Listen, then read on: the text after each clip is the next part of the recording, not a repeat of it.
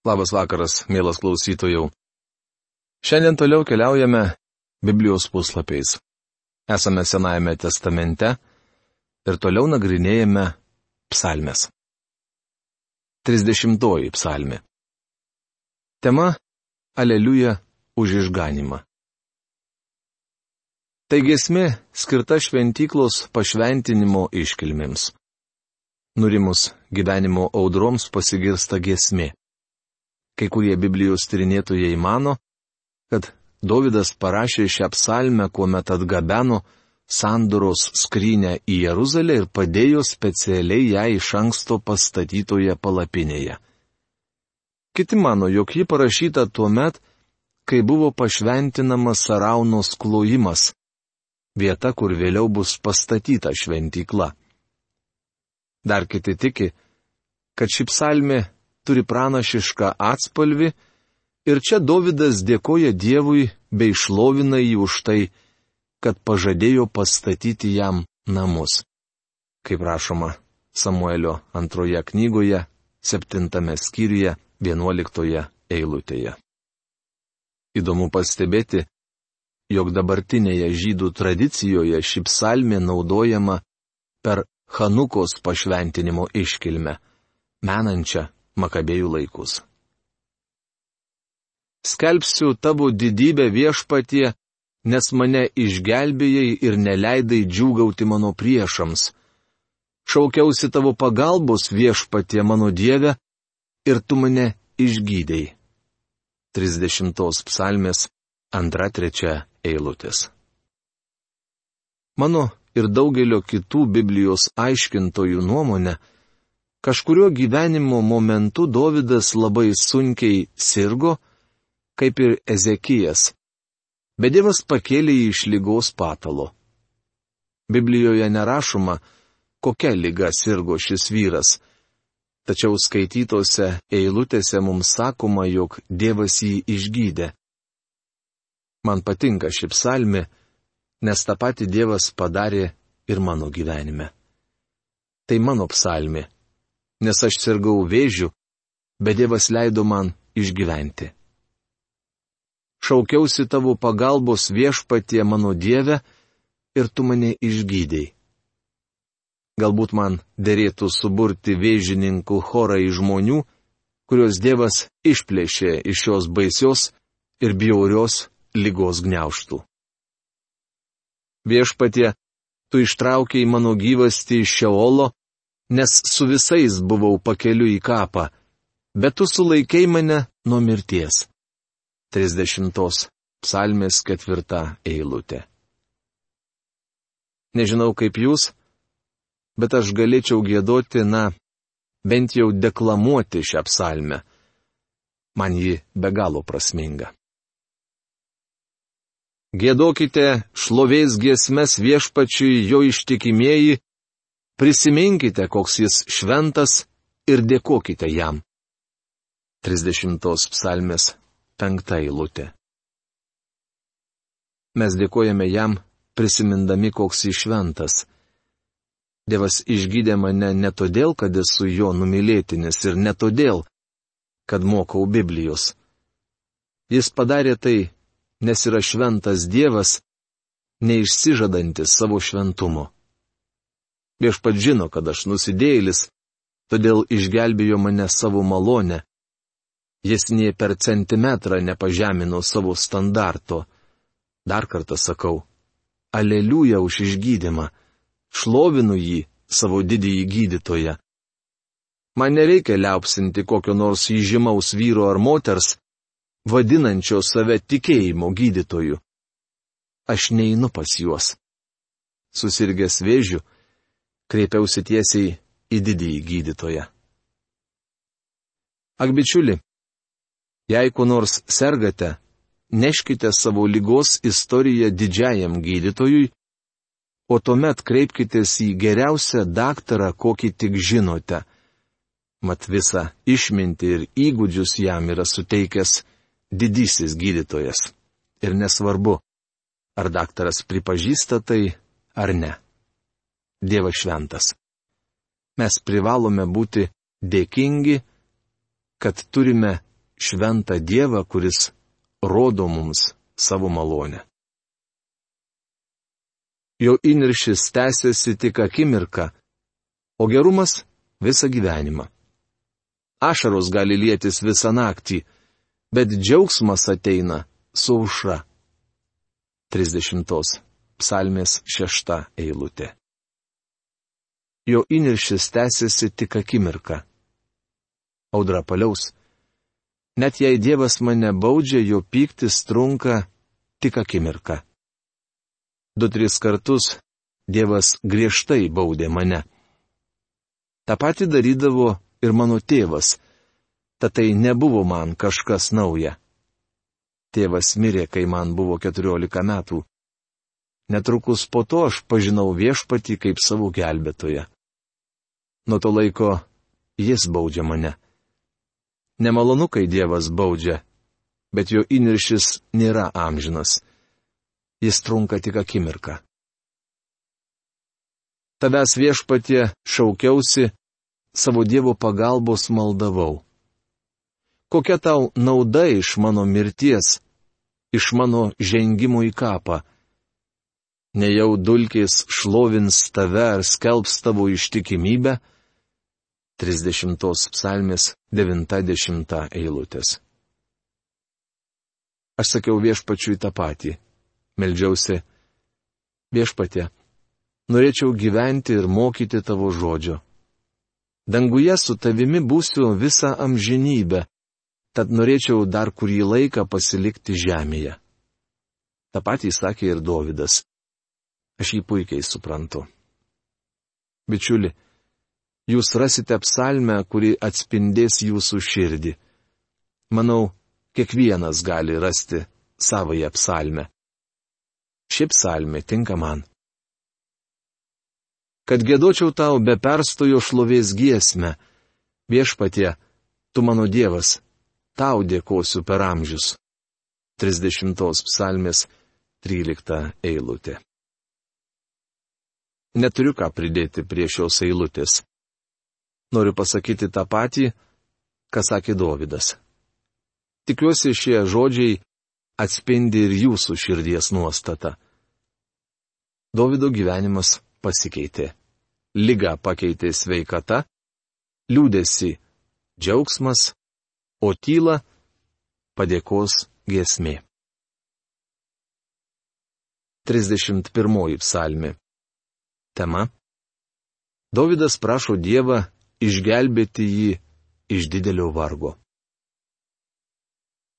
Daugelis iš šių psalmių mums menkai pažįstamos, nors sudaro vieną iš turtingiausių Dievo žodžio dalių. Manau, jei šiai daliai būtų skiriama daugiau dėmesio, mes geriau suprastume visą šventą įraštą, o ypač tas vietas, kur kalbama apie tikslus, kuriuos Dievas ateityje yra numatęs Izraelio tautai. Bene visas iki šiol mūsų išnagrinėtas psalmes yra parašęs Dovydas. Tikriausiai jis buvo sukūręs joms ir muzikinį akomponimentą. Kiekviena psalmė turi mums ypatingą reikšmę. Čia vėl matome dievų baimingųjų vargus.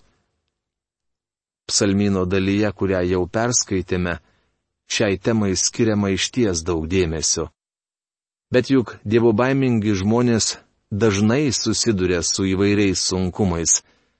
Na bent jau tie, kuriuos aš pažįstu.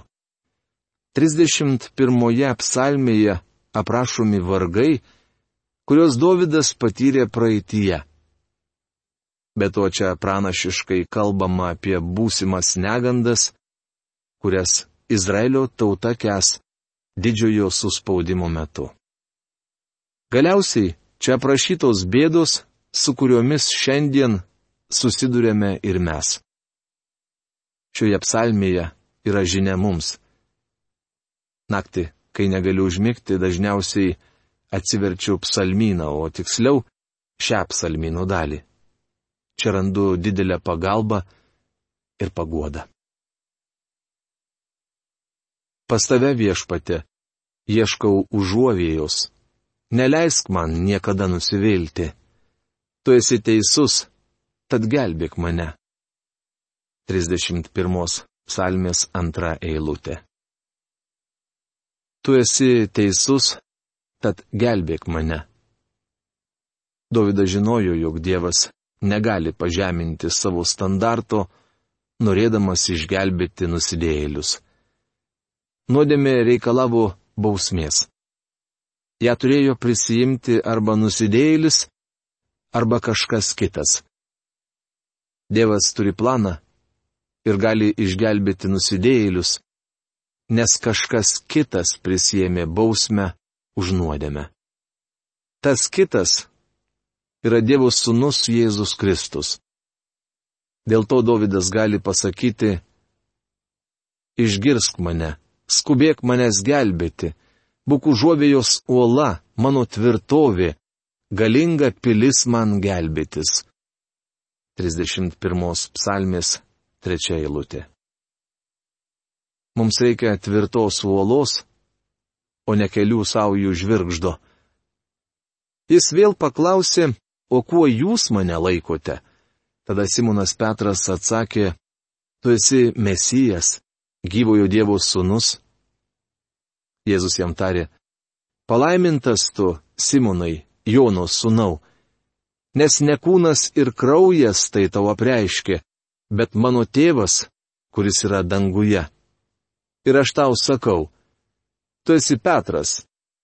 Ant tos uolos aš pastatysiu savo bažnyčią ir pragarų vartai jos nenugalės. Rašoma Mato Evangelijos 16 skyriaus 15-18 eilutėse. Uola, ant kurios stovi bažnyčia, yra ne Petras, bet Kristus. Juk niekas negali dėti kito pamato kaip tik tą, kuris jau padėtas. Tai yra Jėzus Kristus, rašoma pirmame laiške korintiečiams, trečiame skyriuje, vienuoliktoje eilutėje. Gelbėtojas Jėzus Kristus yra tvirta uola, į kurią mes galime atsiremti. Viena škotų tautybės ponia, kalbėdama apie tai, kad yra tikra dėl savo išgelbėjimo, sakė. Stovėdama ant uolos, aš kartais drebu iš išgaščio, tačiau po manimi esanti uola niekuomet nedreba. Toji uola tvirta. Davidas dar nebaigė kalbėti apie uolą. Galima sakyti, jog tai pirmoji roko muzika. Angliškas žodis rok reiškia uola. Nors ji gerokai skiriasi nuo tos, kurią girdime šiandien. Juk esi man ir uola, ir tvirtovė, vesi ir saugosi mane dėl savo vardo. 31 psalmės ketvirta eilutė. Ar viešpats Dievas yra jūsų uola? Ar šiandien stovite ant jos? Ar jis yra jūsų tvirtovė? Tvirtovė saugo nuo priešų, o jums reikia apsaugos vesi ir saugosi mane dėl savo vardo. Ne todėl, kad aš karalius Dovydas, bet dėl savo vardo. Apsaugok mane nuo paslėptų pinklių, nes tu mano užuovėje. 31 psalmės 5 eilutė. Apsaugok mane nuo paslėptų pinklių. Į tavo rankas atiduodu savo dvasę, tu mane atperki viešpatie, ištikimasis Dieve. 31 psalmės 6 eilutė. Luko Evangelijoje, kur aprašomas mūsų viešpaties nukryžiavimas, sakoma, o Jėzus galingų balsų sušuko, Tėve, į tavo rankas atiduodu savo dvasę. Ir su tai žodžiais numirė. Užrašyta Luko Evangelijos 23 skyriaus 46 eilutėje. Apaštalų darbų knygos 7 skyriaus 59 eilutėje, kur kalbama apie Steponą, pirmąjį kankinį, užmuštą akmenimis skaitome, taip jie mušė akmenimis Steponą, o iššaukė. Viešpatie Jėzau, priimk mano dvasę. Įdomu, kad per visą bažnyčios istorijos laikotarpį šią frazę vartojo daugelis kankinių. Pavyzdžiui, kai Janui Husui buvo vykdoma mirties bausmė, vyskupas ištarė baisius žodžius. Dabar mes atiduodame tavo sielą velniui. Tuomet Janas Husas visiškai ramiai atsiliepė. Viešpatie Jėzau Kristau, į tavo rankas aš atiduodu savo dvasę. Tau pavedu savo dvasę, kurią tu atpirkai. Ta pati pasakė ir Polikarpas, kuomet Smirnoje buvo deginamas ant laužo. Šią frazę vartojo Bernardas, Džeromas Prahietis, Liuteris, Melanktonas bei daugelis kitų. Iš tikrųjų, Martinas Liuteris sakė, palaiminti tie, kurie miršta ne vien dėl viešpaties kaip kankiniai, ne vien viešpatyje kaip tikintieji, bet ir su viešpačiu, išleisdami gyvybės alsavimą kartu su žodžiais, į tavo rankas atiduodu savo dvasę. Leisk man džiugauti ir būti linksmam dėl tavo ištikimosios meilės, nes tu pažvelgiai į mano kančią ir pasirūpinai manimi didžiame varge. 31 psalmės 8 eilutė. Daktaras Gebeleinas kiek pakeitė šią eilutę. Tu matei mano kančią, matei mano didelį vargą.